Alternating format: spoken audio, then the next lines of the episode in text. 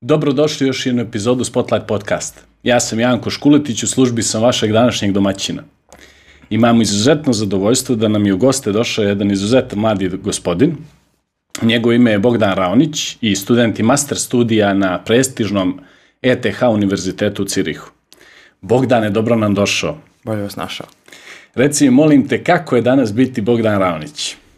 Danas, to je, to je lepo pitanje, danas je biti Bogdan Raonić, ja bih rekao isto kao i biti bilo koji drugi student, bilo gde u svetu, u Srbiji. Kao što svaki student radi, ja dosta učim, dosta izlazim, družim se i rekao bih da je potpuno isto biti student negde sa strane ili, ili u Srbiji. Ja mogu da posvjedočim tome u dogovoru za ovaj podcast, e, bilo je onako jedan kratak prozor u vremenu u kome smo mogli da te ugrabimo i da se to nije desilo baš danas, možda bi morali da čekamo negdje sredinu ljeta, Tako. što nije baš zahvalno sa, za ovu vrstu forme koja se ne gleda baš tokom, da kažem, ljetnjih odmora, tako da smo morali, evo ja sam uskočio kao zamjena da odradim ovo sa tobom danas, Hvala. na moje stvarno zadovoljstvo da ponovim to još I jednom. moje.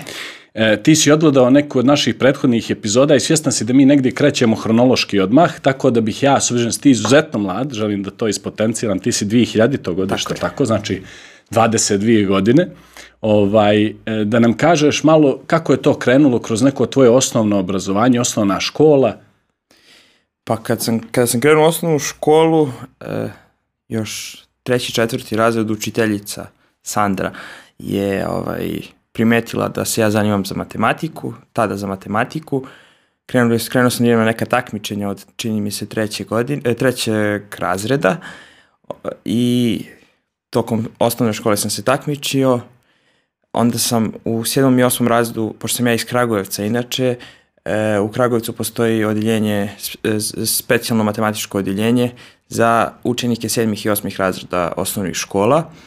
E, ja sam se upisao u to, odeljenje, takođe sam nastavio sa tim takmičenjima i to odeljenje je stvarno e, odeljenje gde studenti, e, odnosno đaci tada koji, koji se zanimaju za matematiku, fiziku i informatiku i ostale prirodne nauke, dolaze i spremaju se za takmičenja i recimo da i u tim mladim godinama malo, e, malo dublje e, istražuju te, te predmete.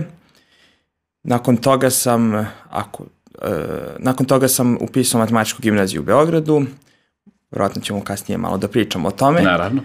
E, posle toga sam otišao u Francusku i sada sam u Švajcarskoj. Super. Reci mi, e, kada ti kod sebe prepoznaješ taj talent za matematiku i fiziku i kada zaista kreće ta ljubav prema prirodnim naukama, ako bi negdje mogao da za naše gledalo se kažeš upravo kada si e, ti to oko sebe prepoznao, to nam je jako bitno. Kod sebe sam to prepoznao u osnovnoj školi, u prvoj polovini osnovne škole, znači oko treći ili četvrti razred.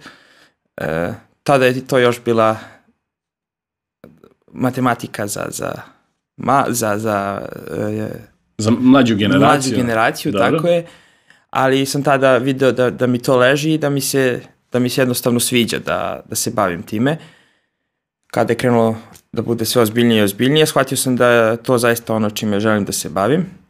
Odnosno da su to predmeti ili teme kojima želim da se bavim. Ka- Kasnije sam tek shvatio koliko je matematika i fizika i zapravo nauka, koliko je to jedna opširna disciplina, da. sveobuhvatna.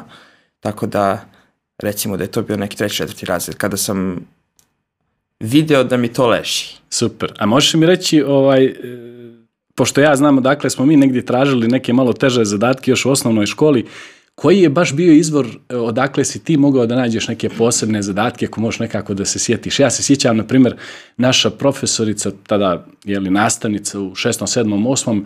je najčešće iz onih ve, čuvenih venovih zbirki matematike tražila malo teže zadatke za onu djecu koja su bila da kažem, naprednija i koja su se spremila za republička i savezna takmičenja.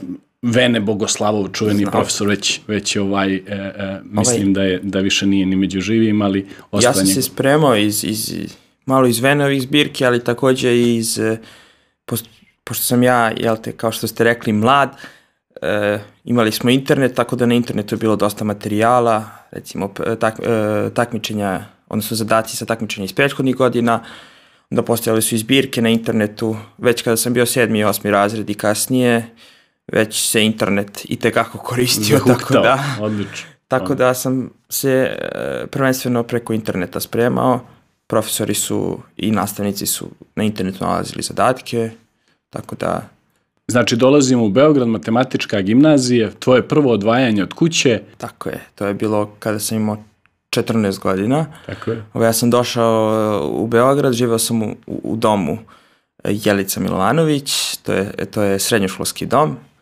Bio sam na, na spratu sa, pošto je sprat, e, jedan sprat u tom domu je, e, je bio sprat na kojem su bili samo ljudi, odnosno đaci iz matematičke gimnazije, tako da je to jedno veoma lepo iskustvo. Veoma teško iskustvo za mene. Prvi godinu dana je bilo dosta teško, zato što sam kao i svi, ja mislim, mladi ljudi. Adaptirati se na Beograd, veliki grad. Veliki grad, a i bio sam odvojeno od porodice, što je meni, a čini mi se i svim mojim drugarima bilo dosta teško. Međutim, posle godinu dana navikli smo se svi i bilo nam je fantastično zaista posle.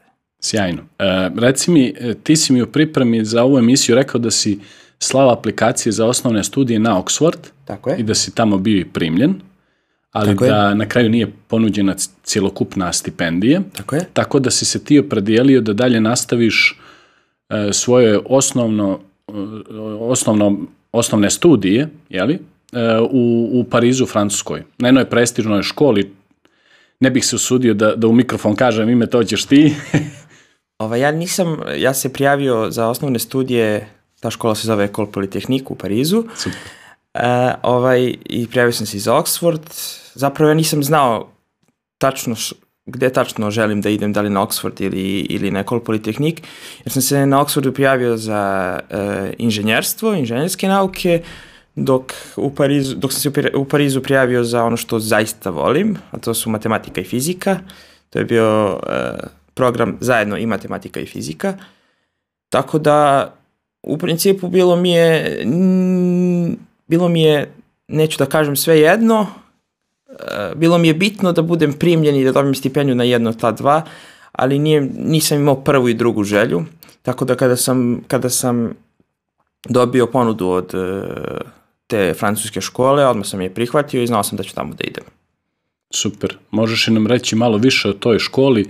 E, ajde da kažem za ljude koji su iz te branše, vjerovatno su čuli, ali mislim da šira populacija ne zna puno. E, Ecole Polytechnique je jedna od najpoznatijih francuskih škola.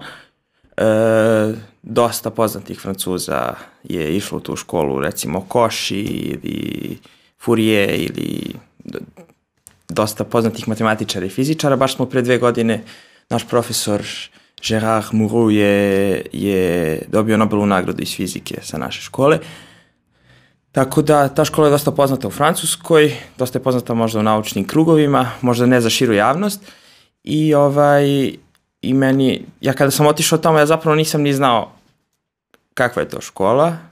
Međutim vrlo brzo su nam su ljudi Francuzi krenuli da nam objašnjavaju koliko je zapravo ta škola prestižna i koliko svaki Francuz e, želi da ode tamo. Oni su otvorili e, internacionalnu, e, internacionalni program, odnosno program na engleskom.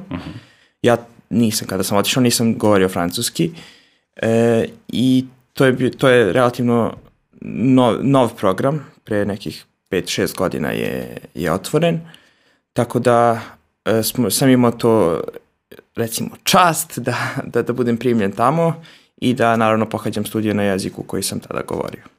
Super, super. Da li, e, da li vas oni na neki način uslovljavaju da učite i francuski jezik uporedo sa, sa engleskim jezikom i da li ti misliš za one studente koji žele tamo da ostanu i da rade, da ipak presudno da znaju na neki način i francuski jezik, što prvenstveno zbog posla, što zbog života? E, mi smo kada smo došli, u, kada sam e, u prvoj godini, u prvoj godini osnovnih studija, smo morali da potpišemo ugovor gde je jasno bilo navedeno da treba da položimo francuski i to B2 nivo. Postoji e, ekvivalent e, TOEFL-u i IELTS-u, e, ekvivalent e, e, test za francuski jezik. Tako da, tako da sam ja morao da, imali smo i predmet francuski svakog semestra, bilo je nešto dva sata nedeljno recimo, ali smo imali dakle ponuđeno časove francuskog. I na kraju sam pola, ja polagao i svi moji prijatelji, polagali smo taj test, svako ko je položio je, je dobio diplomu, svako ko nije imao je kasnije šansu da, da polaže ponovo i u trenutku kada, kada se položi stičemo pravo da dobijemo tu diplomu na kraju. Super. Ili u pitanju trogodišnji ili četvrogodišnji E, program trogodišnji studija? program. Mhm. Trogodišnji program. I pitali ste me za francusku i za jezik. U Francuskoj je jako, jako bitno znati francuski jezik. Francuzi, neću da kažem da ne znaju engleski, ali e, ne žele da ga pričaju, Naravno. čini mi se. U, u centru Pariza je možda to malo drugačije, zato što je centar Pariza turistički, turistički deo Francuske, ali u svuda oko centra Pariza i možda ne u tim velikim gradovima, ali u cijeloj, usudit ću se da kažem i u cijeloj Francuskoj, ljudi mahom ne pričaju engleski i francuski je dosta, dosta bitan. Govori se u svim firmama, u supermarketima, u pozorištima, tako da bez francuskog u Francuskoj je vrlo teško živjeti, recimo. Super. Možeš i da mi kažeš nešto malo o životu u Parizu? Svi znamo, to je grad ljubavi. Reci nam još... Pariz ovaj, je divan grad. Ja nisam imao tu sreću da ga da sve tri godine budem tamo jer je bila situacija sa koronavirusom, tako da sam jedno vreme proveo u, u Srbiji, nažalost. Sve je bilo zatvoreno, ali recimo da sam dve godine iskoristio od te tri da, da budem u Parizu. Pariz je stvarno neverovatan grad, ogroman grad e, i Duge šetnje, arhitektura, apsorbuješ, umjetnost. Neverovatno je kako, uh, pa to sam uvijek pričao, kada god me neko posjeti, kada god me neko posjetio u Parizu, da svaka zgrada u Parizu, u tom centru Pariza, nešto znači i svaka zgrada predstavlja neki spomenik koji je poznat ili nije poznat široj javnosti, ali za svaku zgradu postoji neka priča. Za sva- svaka zgrada ima svoju priču i svoju istoriju. Tako da, bar ja, kada god se šetam Parizom, razmišljam o toj istoriji i ko je tu živeo pre tri, 300 godina. Bravo. E, za trenutak ću se vratiti na uvijek aktuelnu temu za većinu naše publike, a to je ta čuvena aplikacija za Oxford.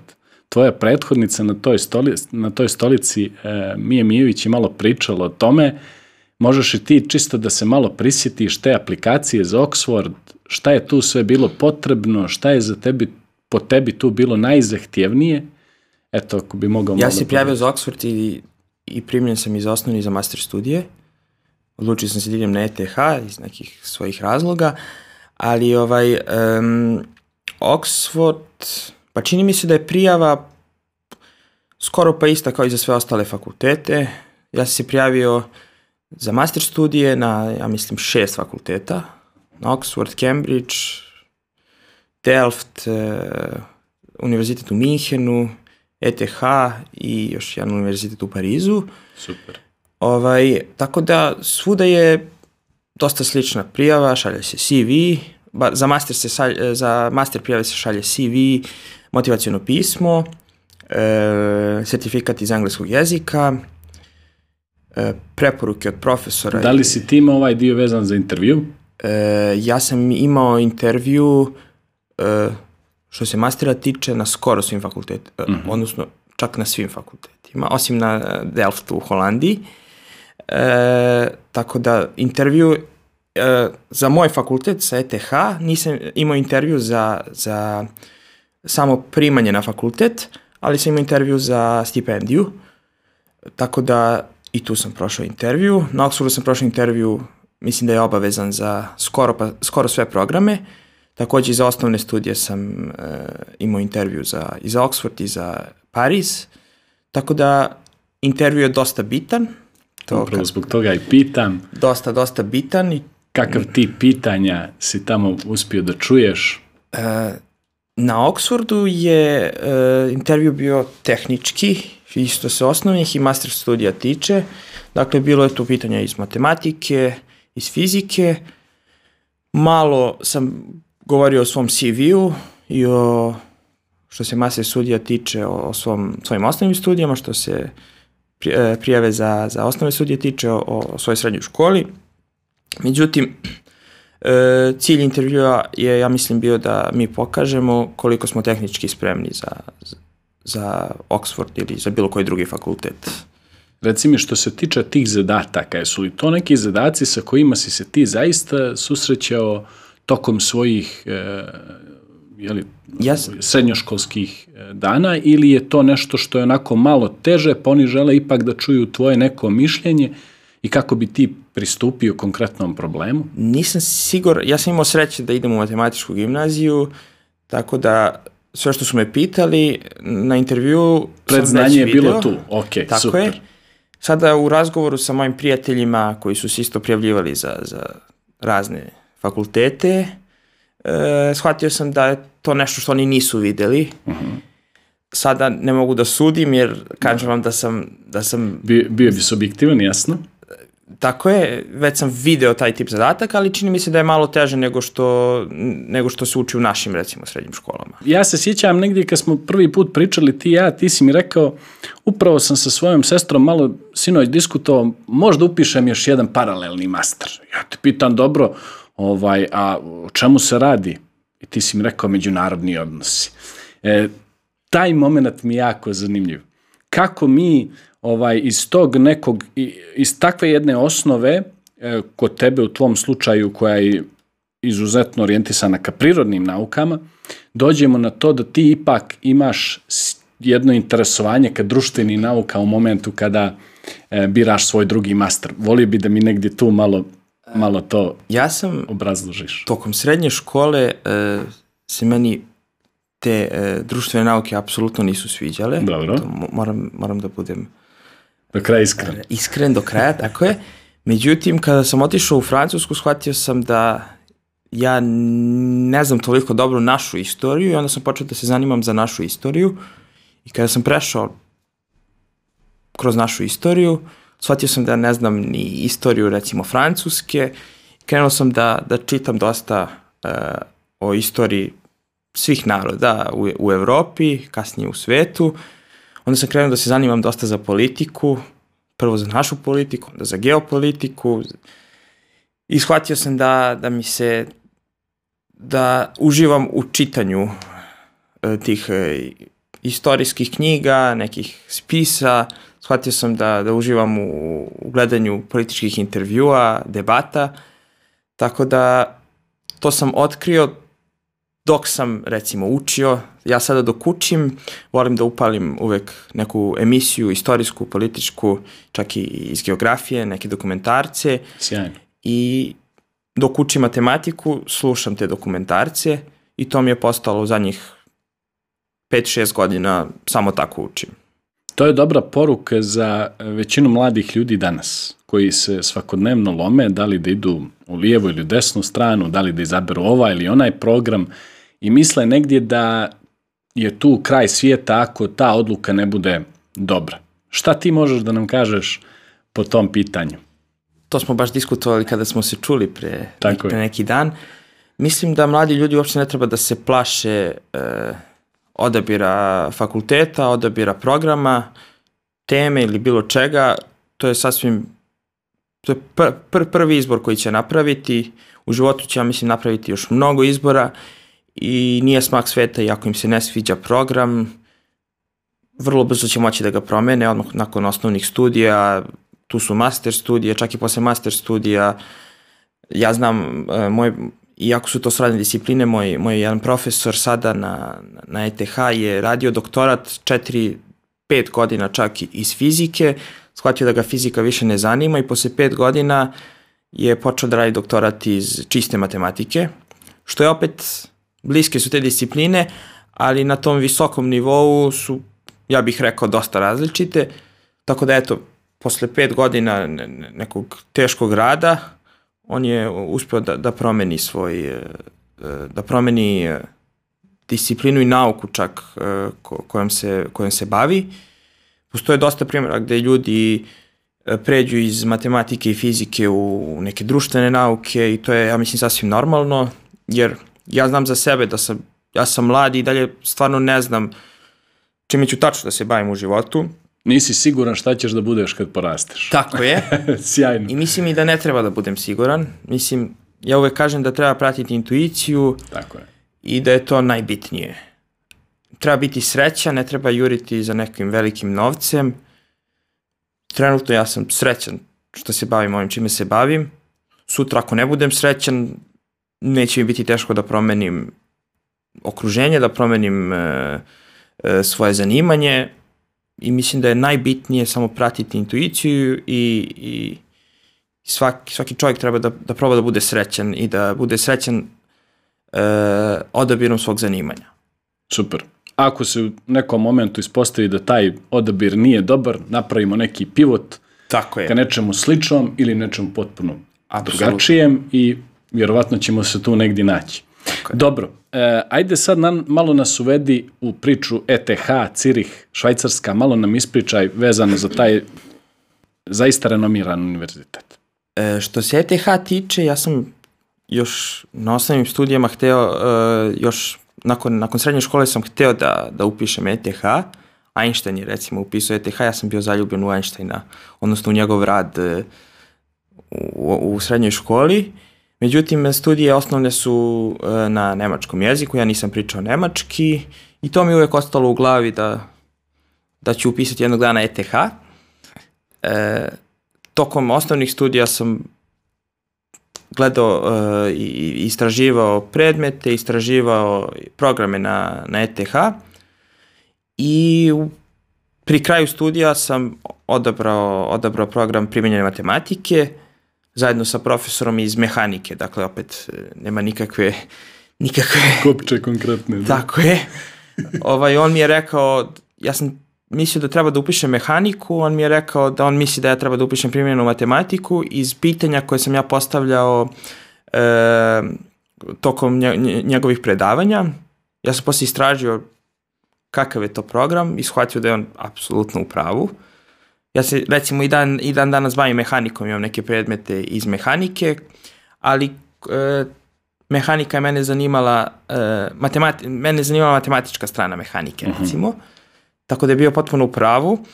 E, upisao sam, prijavio sam se za ETH, to mi je bila prva želja. E, prijavio sam se i za, to sam malo pre rekao, Oxford, Cambridge i još neke fakultete.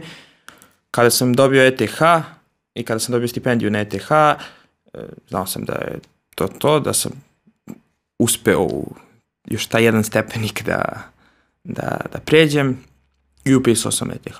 Dakle, Odlično. E, Reci mi, vi imate e, opciju da izaberete određene predmete i ti si mi rekao da si e, gledao da izabiraš nešto što ti do kraja ne prija. Želio si da se istražiš u nekim novim oblastima i jako mi je zanimljiv taj moment e, izlaska iz komfortne zone. Ti znaš u čemu si dobar, ali daj izabraću set nekih predmeta koji mi uopšte ne leže da vidim da li će možda malo početi da mi leže ili da li ću moći da ih zavolim ili da, da možda nastavim svoju karijeru u tom pravcu.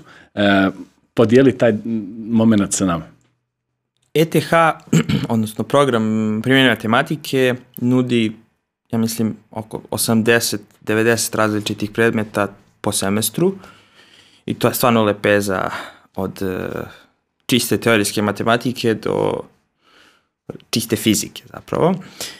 I ovaj, ja sam se trudio da izaberem što više predmeta za koje sam znao da mi ne leže. Na osnovnim studijama sam imao slične predmete, ali... Koji su to predmeti prilike? E, recimo e, randomizovani kako se to prevodi, randomizovani algoritmi i probabilistički metodi. Aha. E, ja sam znao da to neće da mi leži, to je neka kombinatorika i, i e, computer science, znao sam da to neće da mi leži, ali sam ipak hteo da uzem ta. I to, to je čak bio i predmet koji je nosio e, jednu trećinu ocene, jednu trećinu e, čitave ocene tog semestra. Mhm. Međutim, odlučio sam, se, da- odlučio sam se da uzmem taj predmet, prošlo je sasvim solidno, ali sam shvatio da mi apsolutno, da Nije za tebe. tim apsolutno ne želim da se bavim. Ovo Naučio drugo? sam dosta stvari Dobro. i, i, i dalje mi neke stvari koje sam naučio koriste i sada. Međutim, shvatio sam da ću te stvari koje sam naučio koristiti samo kao, e, koristiti kao pomoć, e, a jednostavno ne želim da se bavim time. Sve jasno. A, neki drugi predmeti su recimo e, statističko modelovanje koje sam morao da uzmem, e, opet nisam, znam da ne želim da se bavim time, ali sam morao da uzmem jer se, e, jer se neke stvari statističkog modelovanja koriste u onome čime se trenutno bavim, a to je e, mašinsko učenje za parcijalne i diferencijalne jednačine. E, I znao sam da moram da naučim neke stvari da bih mogao da razumem, e, da bih mogao da, da jednostavno da razumem e, radove koji se, koji koriste statističko modelovanje, međutim ne bave se statističkim modelovanjem, nego se bave nečim drugim, dok je ono što jezik koji, koji oni koriste je sličan jeziku statističkog modelovanja, recimo da, da uprostim mm -hmm. što sam htio da kažem.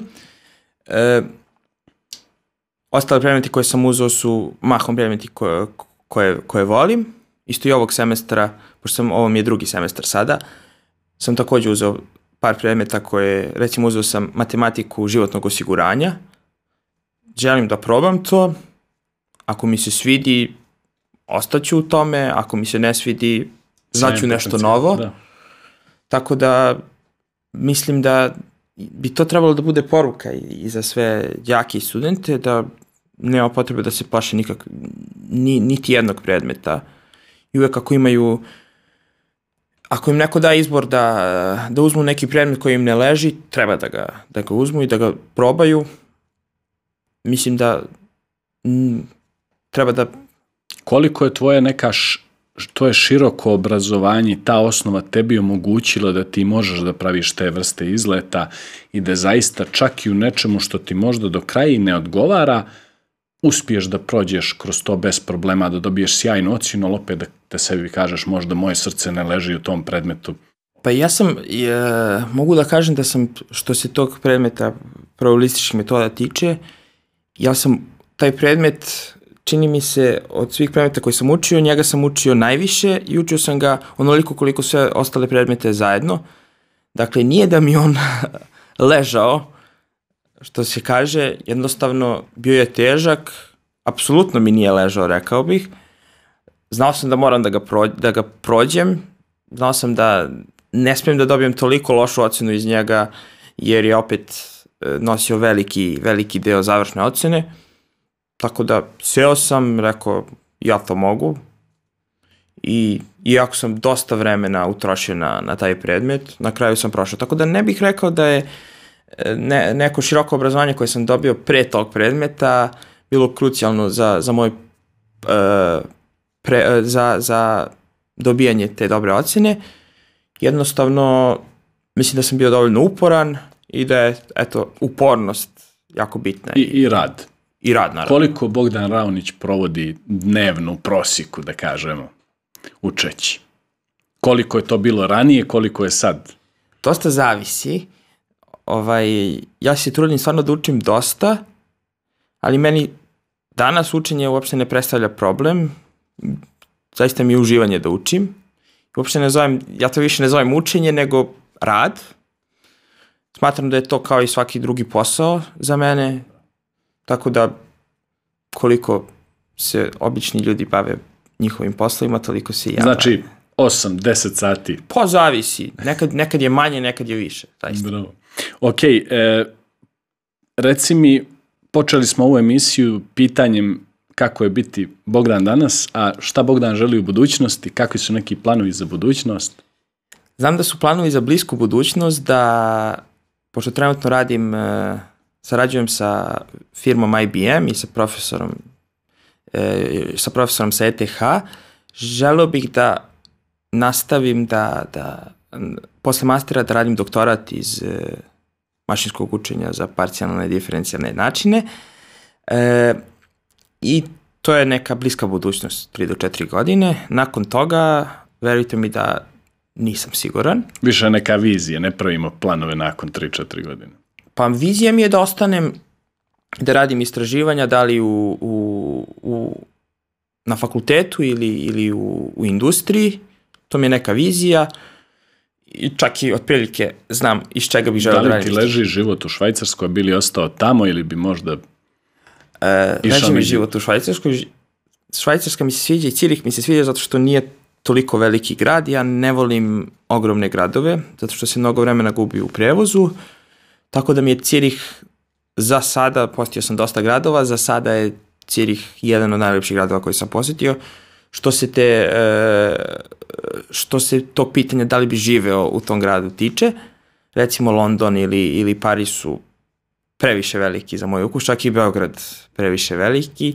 Cirih je veličine možda malo veći od Novog Sada, što je meni Sasvim dovoljno, optimalno. sasvim optimalno, tako je. Tako da bih ostao u Švajcarskoj, ja mislim, nakon tih doktorskih studija. Dobro. Što se Srbije tiče, dolaziš redovno, posjećuješ Trudim se da dolazim, društvo. trudim se da dolazim redovno.